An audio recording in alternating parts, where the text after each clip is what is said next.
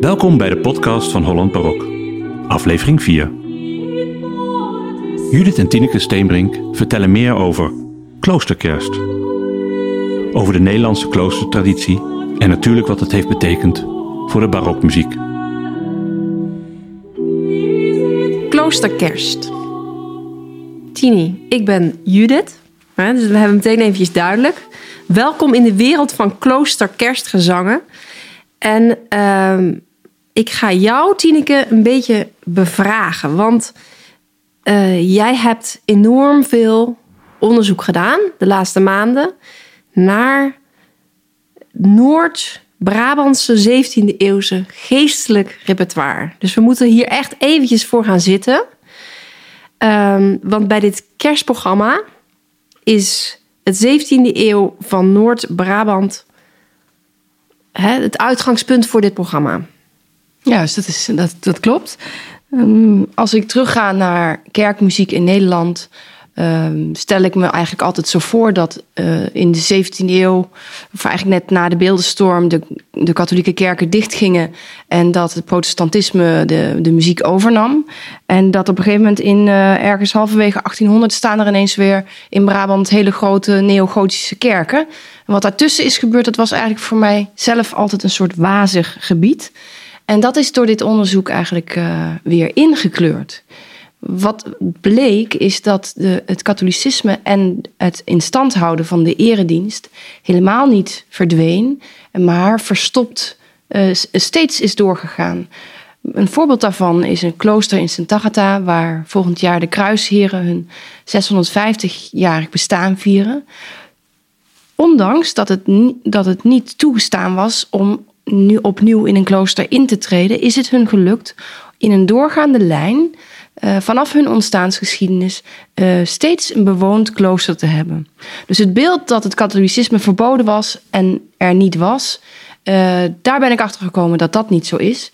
En daarbij hoort dus ook muziek die er in die tijd wel degelijk gemaakt is en weer boven water komt en onderzocht is de afgelopen maanden heb jij uh, ja, je echt uh, je tanden enorm gezet in, in, in dit repertoire.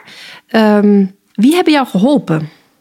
Dat is als eerste Frans Jespers. Het is een onderzoeker die in de jaren 80, 90 eigenlijk exact dit vakgebied heeft onderzocht en daarop is gepromoveerd. Een prachtig boek. Dus uh, dat voorwerk is door hem gedaan. Verder heb ik veel contact gehad met uh, men, met de kloosters in Boxmeer en Sint Agatha. En had ik een, stagiair, Nitos, Nino Natrosvili, die uh, met mij steeds door de kleine lettertjes, door de details is gegaan, uh, bijgehouden heeft. Wat hebben we nou nog wel onderzocht of waar is iets nog blijven hangen? En uh, samen hebben we dat eigenlijk voor elkaar gekregen.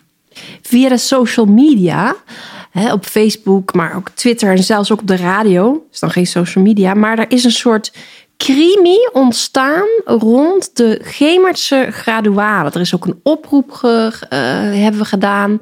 En er zijn volgens mij enorm veel mensen, hè, relatief natuurlijk, maar er zijn enorm veel mensen die met jou uh, uh, meelezen naar die zoektocht van die Gemertse gradualen. De eerste vraag is: wat is nou eigenlijk die Gemertse gradualen?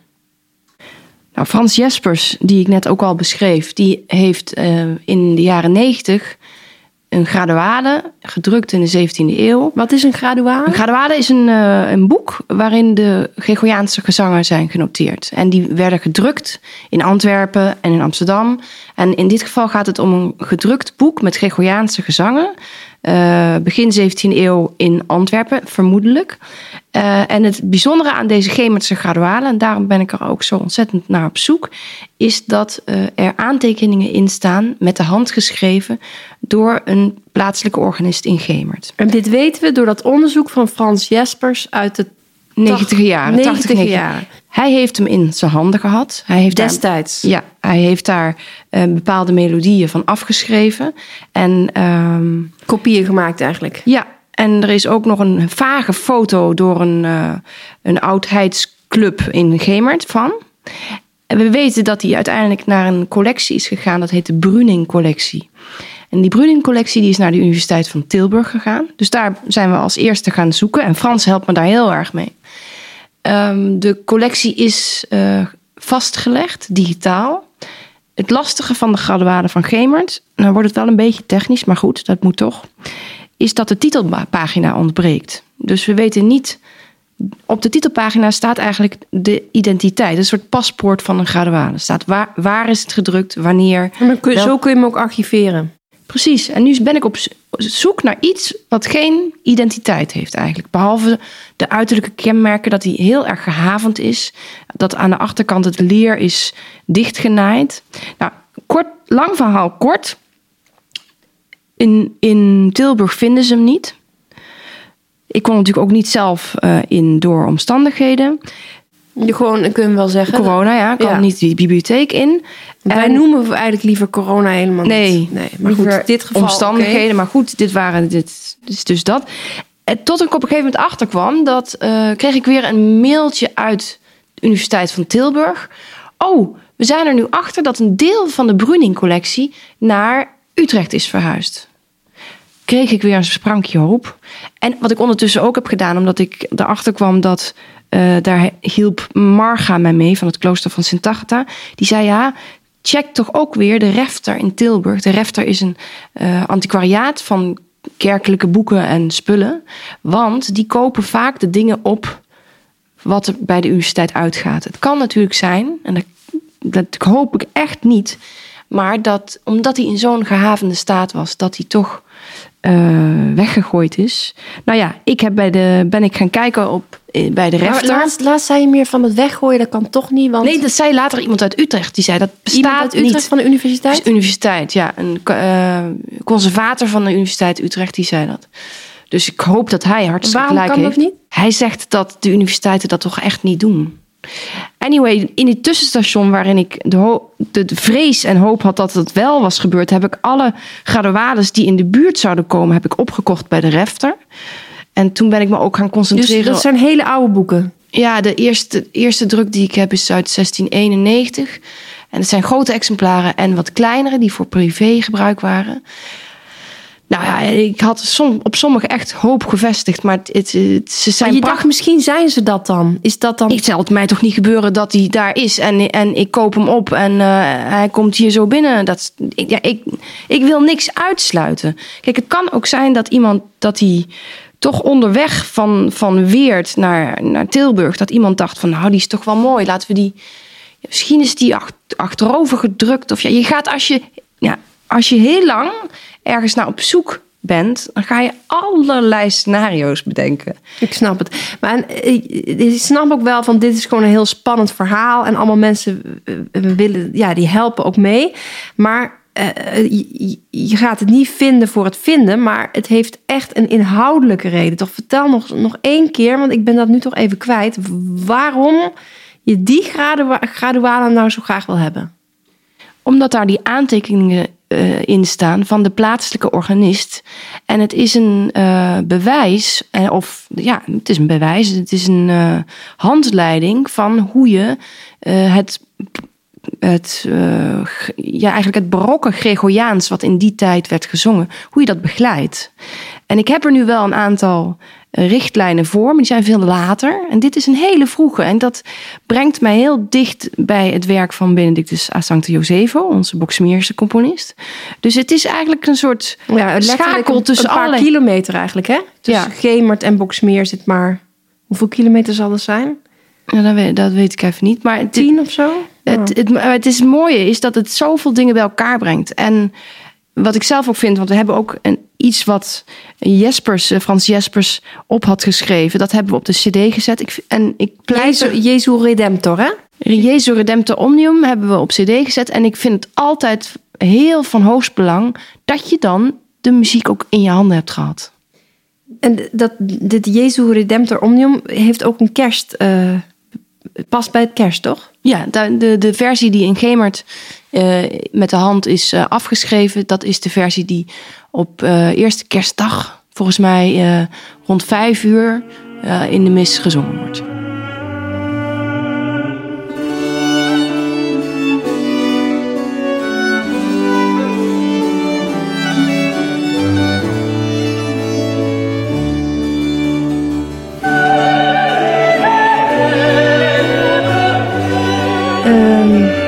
Even afsluiten, want we kunnen natuurlijk een uur over die graduale van Gemert. En hij is gewoon, nou conclusie, hij is nog niet gevonden. hè? Ja. Ehm, kloosterkerst. Het gaat eigenlijk over, nou, klooster, kloostergezangen. Ehm, maar dat Brabantse, maar sowieso het repertoire, het katholieke repertoire uit de 17e eeuw was vierstemmig. Ja. En in kloosters zitten of mannen of vrouwen. Ja, en überhaupt ook in de, in de schuurkerken die in die tijd eh, werden bezocht en waar de eh, vieringen werden gevierd, is nummer één, je mixt nooit vrouwenstemmen of mannenstemmen. Dus of er was in het dorp, eh, dus afgezien van de kloosters, was er in het dorp een mannenkoor waarin jongetjes de hogere stemmen zongen. Die jongetjes noemen we koralen. Of er waren vrouwen die eh, daarvoor opgeleid werden. En ehm, ja, dat was ook echt een taak. Je was, zat niet in het klooster, maar je was wel. ehm, je vervulde wel die rol. En ik zie in alle toelichtingen eh, van hoe je het Gregoriaans moet zingen, staat steeds dat je die, dus mannen en vrouwen, niet mag mixen. En de grap is, in Kuik, waar ik organist ben, daar hebben we nog steeds het dameskoor en het herenkoor. Die zingen allebei apart. En met kerstmis zingen ze wel samen. Ja, ik, zie, ik lees hier ook nog dat Frans Jespers, de muzikoloog, zegt... Tijdens mijn onderzoek was ik verrast door de ontdekking... dat de kerkkoren in de schuil- en schuurkerken... net als in de enclaves, enclaves komen daar nog wel op... al vanaf het derde kwart van de 17e ac- eeuw actief waren. Dit betekent dat veel van de huidige kerkkoren... nu even niet zingen, maar die huidige kerkkoren... die bestaan dus al ruim drie eeuwen onafgebroken. Terwijl ze dat dikwijls nu niet meer weten. Maar dat zijn dus eigenlijk de kerkkoren van toen. Juist, ja. Dat is een doorlopende traditie geweest. Ja. Ehm enclaves, dan komen we meteen, gaan we meteen eventjes kijken wat dat is. Eh, enclaves is net zoals je dat nu in, de, in, de, ja, in het wereldnieuws ook wel ho- hoort langskomen. Een, afge, een eh, afgezet gebied waarin andere wetten dan daarbuiten gelden. En in dit geval gebruiken we de term enclaves voor het gebied rond bijvoorbeeld Boksmeer of Ravenstein, waarin eh, de, het katholieke geloof werd gedoogd. Dus over het algemeen eh, gelden de protestantenregels. Maar in die, eh, in die enclaves konden kunstenaars, muzici, kloosterlingen samenkomen en hadden relatieve vrijheid. En daar bestonden dus die, die kloosters zoals eh Clarisse te Mege, de zusters van Maria Refugi in, in, in Uden, maar Boksmeer. ehm, Met de karmelieten, ja. ja. En die, ik- dat karmelietenklooster is door de familie van den Berg opgericht in 1653. En dat staat er nog steeds. Ja. Even over kerst. Want het was eh, liturgisch natuurlijk een heel, nog steeds, heel belangrijk feest. Maar ook muzikaal gezien. Ja. Dat komt, dat, zul je, dat zie je vaak ehm, als een bepaalde cultuur wordt bedreigd. Wat ga je dan doen? Dan ga je dat wat jouw cultuur uitmaakt heel erg sterk doen. Eh, ik herinner me een verhaal van ehm, die Marlijn van Twaalfhoven of zo, die, die ook op in, in oorlogsgebieden eh, mensen bezocht. Die, die vertelde een keer dat hij in Jeruzalem was en daar zeer orthodoxe Joden eh, met hen ging zingen. En zij zongen natuurlijk hun gezangen. En hij, hij stelde hen voor om iets anders te doen. En toen zeiden ze, keken hem aan en zeiden: Nee, natuurlijk niet. Want die gezangen maken nu juist uit wat wij zijn. En dat vond ik een mooie les van hem. En dat zie ik ook terug in dat Noord-Brabantse eh, katholicisme. Ze worden bedreigd. En wat je dan doet, is dat je je helemaal gaat concentreren op wie je bent. En eh, dat resulteert in dat in de hoogmis eh, door het hele jaar heen vooral 100% Gregoriaans werd gezongen. Een, eh, een uitzondering is kerst. Daar zeggen ze, daar mag je motetticus doen. Daar, is het, daar kan het. Dus dan betekent het dus ook dat die echte Brabantse componisten dan meer om de hoek komen kijken. Omdat dan hun werken ook gezongen mogen worden. Zeker, behalve dat je natuurlijk thuis in huiselijke kring dat altijd kan doen. Dus de werken die we zo door het jaar heen tegenkomen, zullen wellicht niet in de liturgie hebben geklonken, maar voor gewoon voor het huiselijk gebruik werd thuis veel gezongen. En op hoog niveau. Want als je kijkt, het zijn niet de composities die iedere, iedereen zomaar kan zingen. Nee, we hebben het even geprobeerd, hè? maar dat... Dan verdienen we wel door uh, de mand, het ijs. Ja. Benedictus a Sancti Josefo. Dat is wel ja, voor het Noord, voor het Brabantse repertoire in de 17e eeuw de, het hoofdpersonage. ja, hij is echt de vaandeldrager. Alleen al gezien het aantal composities dat hij heeft. En ook eh, de, de schoonheid van zijn muziek, zou ik zo zeggen. Ja. Boksmeerse componist. Ja, en organist. Hij was ook adviseur. Heeft veel gereisd. eh, heeft natuurlijk ook voor zijn functie als subprior veel gereisd. Wat is een subprior? Dat is een eh, leidinggevende in het klooster. En we zien dat hij zijn op, opleiding in Antwerpen heeft genoten als theoloog. Dus ik ga er ook van uit dat. Was hij eigenlijk Nederlander? Nou, hij is geboren in Gelre. Dat werd, was toen, is, dat is nu Duitsland. Maar dat is tot de 19e eeuw is dat Nederlands taalgebied geweest. Dus de Nederlandse taal is zeker zijn moedertaal. Ehm, en het is een beetje... Ja, het wordt een lang verhaal. Daar kan Jespers ook heel veel over vertellen. En ook bijvoorbeeld Johan Oosterman, die veel, eh, een, professor aan de Universiteit Nijmegen, die me heeft, veel heeft geholpen. Als je gaat kijken naar eh, de vraag van was hij Nederlander of Duitser, dat, dat is, het gebied is zo diffuus en is zo ehm, eh, ja, onduidelijk in de politieke situaties heel lang geweest, dat dat waarschijnlijk ook de reden is geweest waardoor die kloosters er toch nog steeds zijn geweest. Dus een onduidelijkheid betekent ook een soort beetje status quo. En hij was. Heeft hij ook niet het orgel daar laten bouwen in Boksmeer, wat er nog steeds staat? Ja, pijpwerk is er niet meer, maar de kas die in de, dat is tegenwoordig de Sint-Petrus Basiliek, is een basiliek geworden, eh, die staat er nog steeds. En de orgelbank, eh, waar dus Benedictus da Sancti Josefo vele, vele jaren heeft begeleid en geïmproviseerd, dat was voor mij de eerste orgelbank waar ik een eh, kerkbaantje heb gehad. En dan toch nog even terugkomen op die vierstemmigheid, vrouwenstemmen, mannenstemmen. Wij hebben gekozen voor dit kerstprogramma, voor, want we moesten één van de twee kiezen. Hè? Want anders hadden, we, anders hadden we het niet juist gedaan, zeg maar. Hè? Nee, Eh, zoals we dat voor de CD-opname met mannen, eh, mannenstemmen en vrouwenstemmen doen, dat is historisch niet juist. In ieder geval niet in een klooster. Nee. Misschien thuis. Ja, thuis het is zeker wel gecomponeerd. Thuis zeker wel. Ja. Ja. ja. Maar nu, eh, um, ja, we, spelen zeg maar een kloosterkerst na. In hoeverre je het na kan spelen. Maar laten we zeggen, we, we, we, We stellen het ons voor, Voor. hoe het zou zijn ja, geweest. hoe het zou zijn geweest. En dan nemen we een... We hebben de vrouwenversie Ja. gekozen. Ja. Je zegt niet meer nonnen hè, tegenwoordig. Dat zeg je niet. Zusters. ja.